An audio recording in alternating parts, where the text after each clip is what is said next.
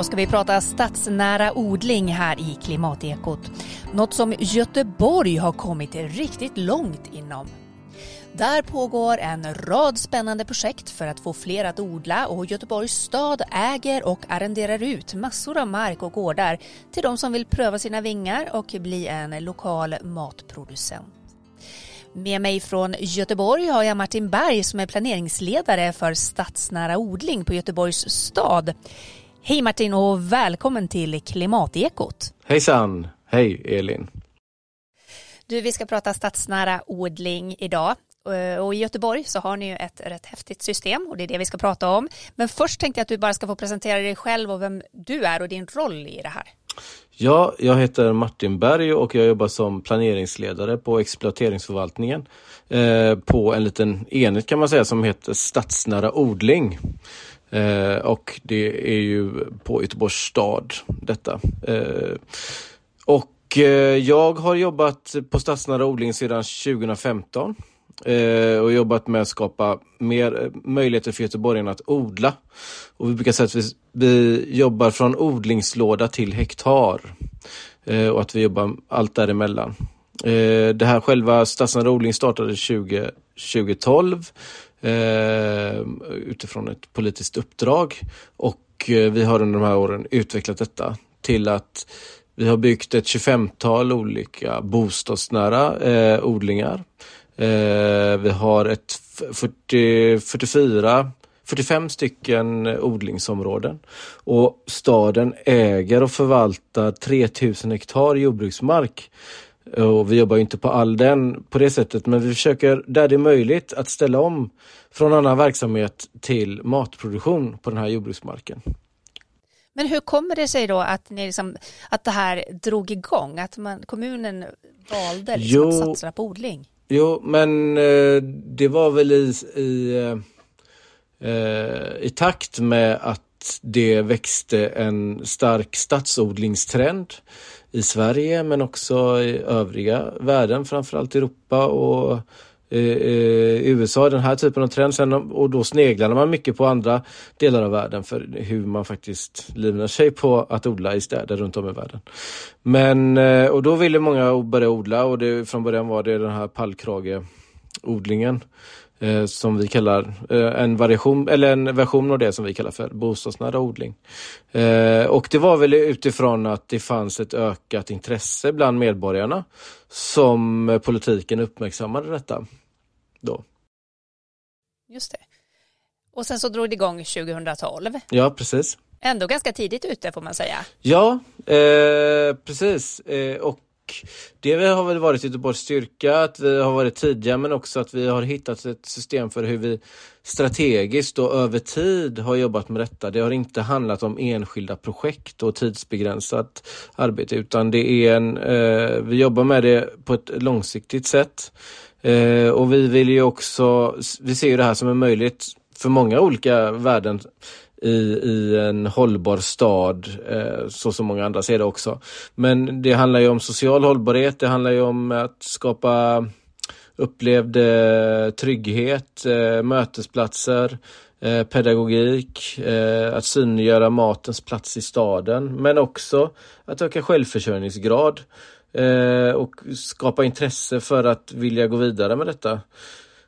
Och, och, vi vill ju på så, många, på så många sätt som möjligt stötta och sänka trösklarna för att fler ska börja odla till försäljning också på stadens eh, mark som man kan arrendera av staden. Då. Mm, just det. Och just det här med självförsörjningsgrad, det har ju aktualiserats de senaste åren. Så, eh, hur tänker ni och resonerar kring det i Göteborg? Ja, eh, det här med att odla har ju eh, varit ganska, en ganska i staden, eh, har ju varit en ganska politiserad fråga i Göteborg men eh, sen en del andra perspektiv har kommit in med det här med, med krisberedskap och sådär. Så då har det blivit eh, allt mer att det, politiken är ganska enig att man vill satsa på detta utifrån olika perspektiv. Då. Men här i stan så tar man fram, håller man just nu håller på att ta fram eh, tillägg eh, eller förslag till tillägg i översiktsplanen för hur man kan eh, ja, eh, jobba med jordbruksmarken men också eh, eh matsystemet eller livsmedelsförsörjningen. Eh, det finns väl kanske ingen starkare policy än så länge kring just självförsörjningsgrad.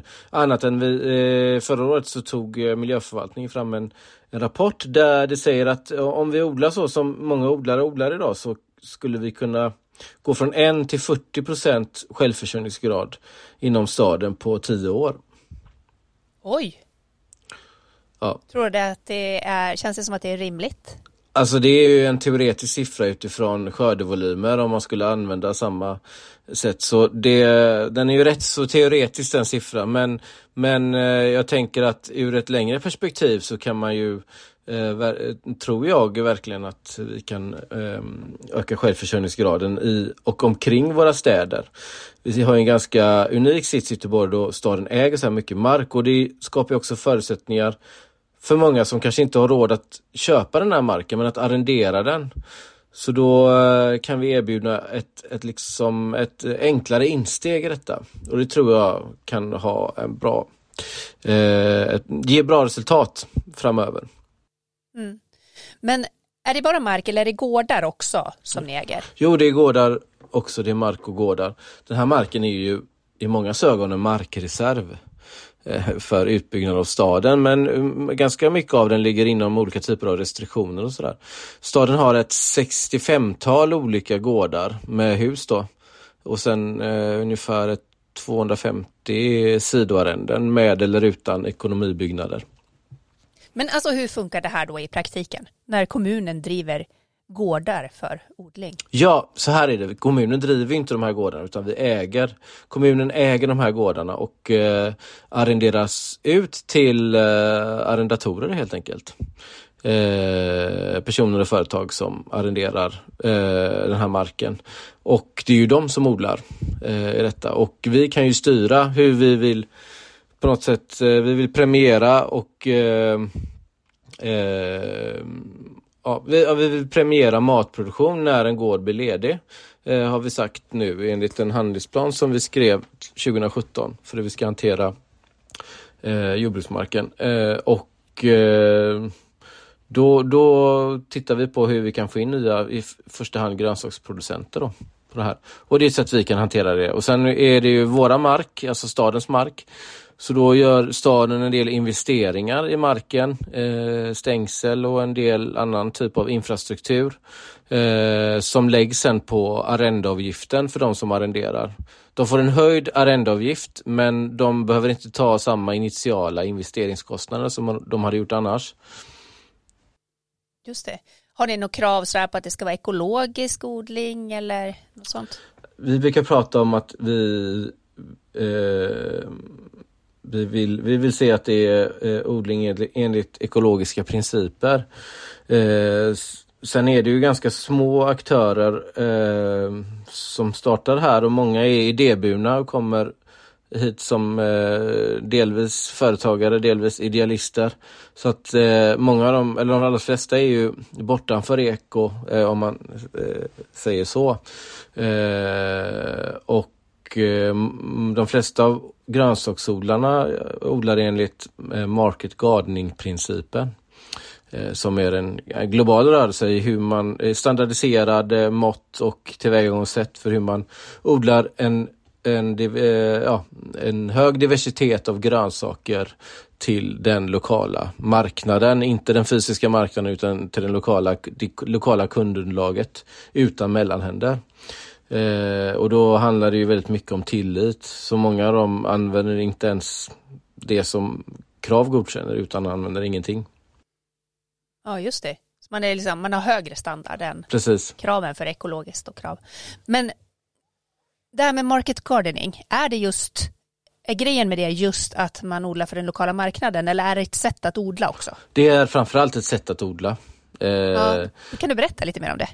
Ja, det egentligen så kommer ju den här eh, filosofin från ja, 1700-1800-talets Europa och framförallt Frankrike. Paris där man eh, på 1800-talet var exporterade ut grönsaker till landsbygden istället för, istället för tvärtom under vissa eh, år. Eh, och där man odlade eh, väldigt intensivt med hjälp av hästgödsel eh, olika typer och sätt att skapa mikroklimat. Eh, och sen har man eh, i Nordamerika tagit upp detta igen under 1900-talet. Eh, och det handlar om standardiserade bäddar, eh, mått på bäddarna. Det är 75 cm bäddar, ungefär 50, 45 cm gångar. Eh, man har lika längder på de här bäddarna eh, så att alla tunnlar och ehm, eh, täck material och sådär eh, ska ha de måtten så det är enkelt att arbeta.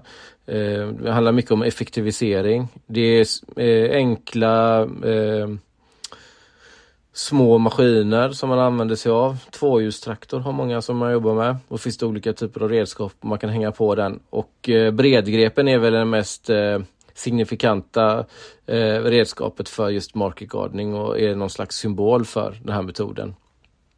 Men varför är den här metoden så bra då? Eh, ja, men det, handlar, det handlar väldigt mycket om att hitta ett sätt eh, där du eh, som odlare kan vara effektiv i din odling men eh, också ha översikt och eh, producera mycket på liten yta. Eh, det här förutsätter också att man har ganska högt hög eh, input av biologiskt eh, material och kompost som man eh, komposterar hela tiden eh, i gångarna efter varje, eller inför en ny, en ny kultur då. Och eh, man sår mycket tätare eh, och jobbar ofta med kortare eh, kulturer eller kulturer som kommer flera gånger. Så det, det, är väl en, en, mänsk, en effektivisering på mänsklig skala och man utnyttjar Eh, den egna kroppen och eh, vad eh, och små verktyg för att hålla det litet effektivt och överskådligt men ändå med hög avkastning. Och många av de här odlingarna, man räknat på det så per kvadratmeter om man jämför med extensiv konventionell odling så ger det tre till fyra gånger så hög skörd. De som driver de här gårdarna då, mm. som arrenderar dem av er, gör de det på heltid? Så att, alltså, jag menar, försörjer de sig på det här? Ja, men det är ju eh. dit vi har velat eh, komma, men så är det ju inte fallet idag. Det är en ganska ung bransch det här, en nisch. Så att det är några enstaka som gör det. Men eh, många är på väg åt det hållet och vill dit. Och sen tycker jag också att det är spännande med en skala från mikroinkomst till heltidsjobb kring detta. Eh, det är många som har olika typer av anställningar och uppdrag idag. Eh, och varför kan inte en av dem vara odling också? Tänker jag. Och sen skulle jag också säga också att vi, eh, vi har inte bara de här gårdarna utan i olika projekt har vi varit med och tagit fram olika verktyg så att vi ska kunna packa den här ryggsäcken eh, för odlarna så att de bär med sig mer kunskap och erfarenhet. Och då har, erbjuder vi eh, testbäddar där man kan testa att odla till försäljning. Eh, där, som man kan arrendera då. Och sen så har vi eh, ett bra samarbete med Naturbruksförvaltningen och Naturbruksskolan i Västra Götaland som arrenderar en gård av oss och på den gården har vi anlagt en, en odling, eh, modellodlingen som är en sån här market garden som vi eh, ja, etablerade under ett eh, EU-projekt. Eh, och den har varit eh, jätteviktig för Naturbruksskolan som har startat en kurs som heter Market Gardening och är deras mest sökta kurs. Och vi har tagit emot mycket studiebesök och workshops för eh, trädgårdsmästarelever och andra elever. Eh, och sen så har vi också under flera år drivit någon typ av inkubator eller eh, workshopserie som kopplar ihop just den här odlingsmetoden och modellen med entreprenörskap. För det är ju många som tycker det är, är lite svårt och jobbigt när man kanske allra helst bara vill odla, att tänka på pengar och prata pengar. Eh, om man kommer med Eh, Eh, med de här tankarna och eh, förändra världen perspektivet så är det lite jobbigt kanske men jag tror att många, det har mognat den här den här scenen, många och kunskapen har höjts och eh, föreställningen om vad det här är har ändrats. Så att, eh, jag upplever en högre grad av professionalism och liksom ett eh, entreprenöriellt driv eh, hos de som börjar odla nu än, än för några år sedan. Hur långsiktig bör man vara då för att få arrendera en sån här gård? Är det på visst många år eller hur alltså? Det, nej, det, är, alltså, det beror på om det är ett gårdsarrende eller ett, ett sidoarrende men de flesta arrendena är ett år avtal som är löpande. Eh, gårdsarrendena kan vara fem eller tio år. Ja men just det, så att man kan ändå liksom ta det där beslutet att Ja. eh, kanske lämna det liv man har just nu och flytta ut med familjen på en gård och börja odla och se vad- som händer. Men det är väldigt många som hör av sig till oss och vill arrendera mark. Och många vill ha väldigt mycket mark. Eh, och det har vi sett att det är en ganska dålig strategi för om man vill lyckas. Utan det är mycket bättre att börja på liten yta och, låt, och tillåta sig själv att lyckas på den. Och, och bemästra den här eh, metoden. Det som är fint med market gardening är att den är skalbar. Eh, så man kan ju bygga ut den med samma, på samma sätt och kanske addera någon kollega då om det blir för stort istället. Eh, så eh, det är ju ett tips att börja i mindre skala eh, för att lyckas och förstå, förstå hur det fungerar att odla men också relationen till kunder, att hitta kunder och, och vilken typ av affärsmodell man väljer. Mm. Men hur har efterfrågan varit på det här då? Är det liksom fullt på alla gårdar och all mark? Alltså stadens eh, alla gårdar och arrenden är ju utarrenderade. Eh, en ganska väldigt, väldigt liten del av de här, den här marken är utarrenderad till den här typen av odlare. Utan det är folk som sitter på långa andra arrenden och som skrev de arrendena innan staden eh, jobbade mer riktat mot matproduktion så det är relativt många hästgårdar och andra typer av verksamheter. Men när gårdarna blir lediga då, eh, försöker vi, då vill vi hitta matproducerande aktörer och om det blir större gårdar så försöker vi gärna få in fler aktörer på samma ställe. Och sedan vi startade ungefär med det här arbetet 2016 så eh, har vi ställt om eh, runt eh, 45-50 hektar i alla fall eh, i arrendena. Då. Mm.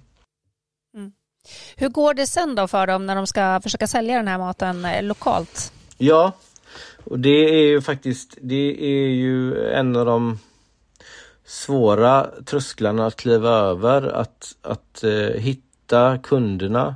Eh, både eh, tillräckligt antal men också över tid. Och det är många som odlar eh, och eh, säljer grönsakerna enligt eh, andels, med andelsjordbruk. Så att man eh, som konsument eh, köper sin andel innan säsongen börjar. Så att odlaren får likvida medel för att investera och har en eh, översikt på detta. Eh, och det blir någon slags tillitsförhållande också eh, mellan producenten och konsumenten. Och så delar man på riskerna men också på vinsterna så att säga. Om det blir mer av någonting så får man det. Blir det mindre av någon annan gröda så kanske man får mer eh, broccoli istället. Eh, och därför är det också viktigt att odla många olika typer av eh, kulturer och grödor. Eh, det, är en ganska, det är en ganska vanlig modell. Eh, sen så tittar staden på också hur vi kan eh, stötta i, i den infrastrukturen för hur maten kommer till göteborgarna. Och vi tittar i ett projekt har vi tittat i, i något som vi kallar för eh, kvartersutlämning. Där man, eh, idén är väl likt Instabox på något sätt att du ska kunna hämta ut din grönsakskasse nära där du bor. Och över ett större fönster. Du behöver inte komma dit bara den timmen där när odlaren står där utan eh, du, kan, eh, du har ett dygn på dig exempelvis. Och eh, Odlaren kan då också leverera mycket till samma ställe och behöver inte stå kvar. Eh, och då testade vi detta och det föll väl ut. Eh, förra året så var det 200 göteborgare som var med det här på två olika utlämningsplatser som vi kallar det. Eh, och nu går, eh, går vi staden vidare och eh, bidrar med att bygga några fler sådana här eh, utlämningsskåp. Eh, och odlarna går samman eh, för att jobba mer, eh, mer, över, alltså mer eh, systematiskt med detta och kunna erbjuda, bättre erbjudanden nu under 2023 och på fler platser. Så där tror jag är en, det är en jätteviktig nyckel om man vill de vill att den lokal, lokalproducerade maten ska öka och framförallt när det handlar om de här eh, affärsmodellerna utan mellanhänder som ju är en förutsättning för många odlare. Men också en förutsättning för konsumenterna då priserna inte blir Ja, de kan bli, de är i paritet med vad ekogrönsaker kostar på ICA exempelvis. Men bonden, odlaren får då eh, nästan hela kakan istället för 20-30 procent av den. Mm. Men jag tänker, ni har ju hållit på ett bra tag och eh, det är som en uttalad del av både politik och kommunens verksamhet. Märker ni det här eh, bland gemene göteborgare så att säga, att man kanske är mer benägen än andra att köpa lokalproducerat? Och Nej, alltså det finns ju en, en grupp människor, jag kan tänka mig att det finns i alla städer som är väldigt idéburna och är verkligt insatta i detta som vill göra detta. Och det svåra är ju, men som vi kanske som vi känner att att exempelvis den här kvartersutlämningen kan vara en del av svaret på. Det är att nå alla de som, som inte är riktigt lika engagerade i den här frågan. Eh, och göra det så enkelt som möjligt för så många som möjligt att, att köpa detta. Och sen har vi ju har ju de här odlarna, mm, finns ju här och ex, göteborgarna exponeras ju för det så jag tror att kanske en större andel som känner till att det finns och, och det finns ett, ett, ett sug på grund av att man vet att det finns här också. Mm. Jag tänker som konsument ja. eh, så är man ju van att man går och köper sin gurka när man behöver den. Ja. Eh, eller sin broccoli när man behöver den. I de här fallen kan jag tänka mig att det blir mer större, alltså att man, man köper liksom större kvantiteter när man handlar när det har skördats så att säga? Ja, um, exempelvis en sådär andelsjordbruk då eller de här kassarna som man får i. Då får man ju det. Eh, många har ju en lösning där de får det som skördas. Så att eh, det kanske man, man vet inte kanske vad som händer i kassen om två veckor. Eh, då är det de som är mm, skördeklara då, de grönsakerna. Eh, och det, eh, men det finns lite olika alternativ man kan välja och plocka från hemsidan, lite mer avancerade. Man kan välja lite mer själv men många eh, finner sig väl också i, i att, att man får det man får så att säga. Men det är också upp till odlaren då att hitta någon, en, en bra variation på det. Eh, men det passar ju inte alla. En del vill ju veta att man kan köpa den här broccoli för man ska göra den där ja, gratängen eller vad det var man skulle göra då. Eh, så det är väl ett litet annat eh, mindset eh, som man får ha som konsument. För jag tänker det handlar ju också då om hur, alltså den här kunskapen att kunna ta hand om maten och, ja. och så att det inte blir matsvinn. Liksom. Precis. Om du köper 20 gurkor och inte hinner äta upp dem ja. innan de blir dåliga. Hur gör man då för att eh, Men man köper aldrig, eller det, det, är ju inte så stora kvantiteter av varje grönsak i den här påsen då som man hämtar varje eller varannan vecka utan det är istället så är det några få av kanske tio olika grönsaker. Så att jag tror det är väldigt sällan om man får 20 grönsaker i en, i en kasse ja, så att säga. Eh, eh, så, och så tror jag att eh, man jag vet inte, det finns lite, det är väl lite olika upplägg men jag, vad jag har hört från odlarna så när de har dragit ner lite på innehållet så har kunderna blivit gladare. För då har de inte behövt slänga någonting. så, Nej, precis. Ja, mm. ja. Men du, eh, det finns ju en hel rad nya produktionstekniker för mat ja. numera. Eh, är det något annat än market gardening som ni eh, som ägnar er åt? Så att säga? Eller de som arrenderar ägnar sig åt? Alltså, vi har ju massa olika typer av arrendatorer och vi har djurhållning och sådär också. Men en annan, annan grej som vi har jobbat med här nu och titta på hur vi i staden kan bygga växthus kopplat till spillvärme. Eh, så nu håller vi faktiskt på tillsammans med eh, Göteborg Energi eh, och anlägger ett växthus, en POC, en Proof of Concept, alltså ett test. Eh, ett enklare växthus som vi kopplar till en av deras dataserverhallar. Som vi då ska arrendera ut till en småskalig kommersiell odlare här. Eh, och titta på det. Och så eh, hoppas vi också på att det inte bara är små aktörer utan även stora aktörer mer på en mer industriell nivå som attraheras av detta. Och det tror jag är en jätteviktig fördel för, för städer eh, eller platser som har den här typen av spillvärmen. Man kan värma växthus gratis eh, för matproduktion i framtiden. Vi har varit uppe och tittat på hur de, hur de tänker och arbetar med de här frågorna uppe i Boden exempelvis. Norrland, kan Norrland bli ett matmecka i Sverige i framtiden? Med hjälp av billig el och gratis värme. Så det är många, det är spännande och det tittar vi på i Göteborg här nu. Ja. Eh, hänger det ihop då med de här stadsnära växthusen som ni också, som också är ett projekt? Ja, de multifunktionella stadsdelsväxthusen. Eh, precis, och det här är en, en, det här är ett test utifrån ett projekt där vi jobbade med just det, eh, de koncepten. Och vi har tagit fram en typologi eller en, en samling av olika typer av sådana växthus. Eh, men nu gick vi, vi ville testa det här i liten skala eh, med just eh, spillvärmen då. Eh, ja, det hänger ihop där och, men vi har inte kommit till eh, vi skulle behöva ett större, större politiskt beslut för att bygga lite, lite mer den typen av växthus som också har social funktion i staden. Just det. Har ni några förebilder då som ni sneglar mot? Ja, Eh, vi har många förebilder. Eh, tycker de är väldigt duktiga i Oslo på det sociala, eh, sociala perspektivet på odling. Eh, det händer mycket i eh, Danmark på olika sätt. Eh, när, det, när det gäller stadsodling. Eh, Malmö har ju varit långt, har vi jobbat mycket med under många år. Inte minst Botildenborg som är en stiftelse där eh, som har jobbat mycket, som vi jobbat tillsammans med eh, olika Vinnova-projekt. Eh, ja. Vad är, det i, vad är det i de här då som gör att, att det är inspirerande? Vad, mm. vad gör de för någonting som ni skulle vilja göra?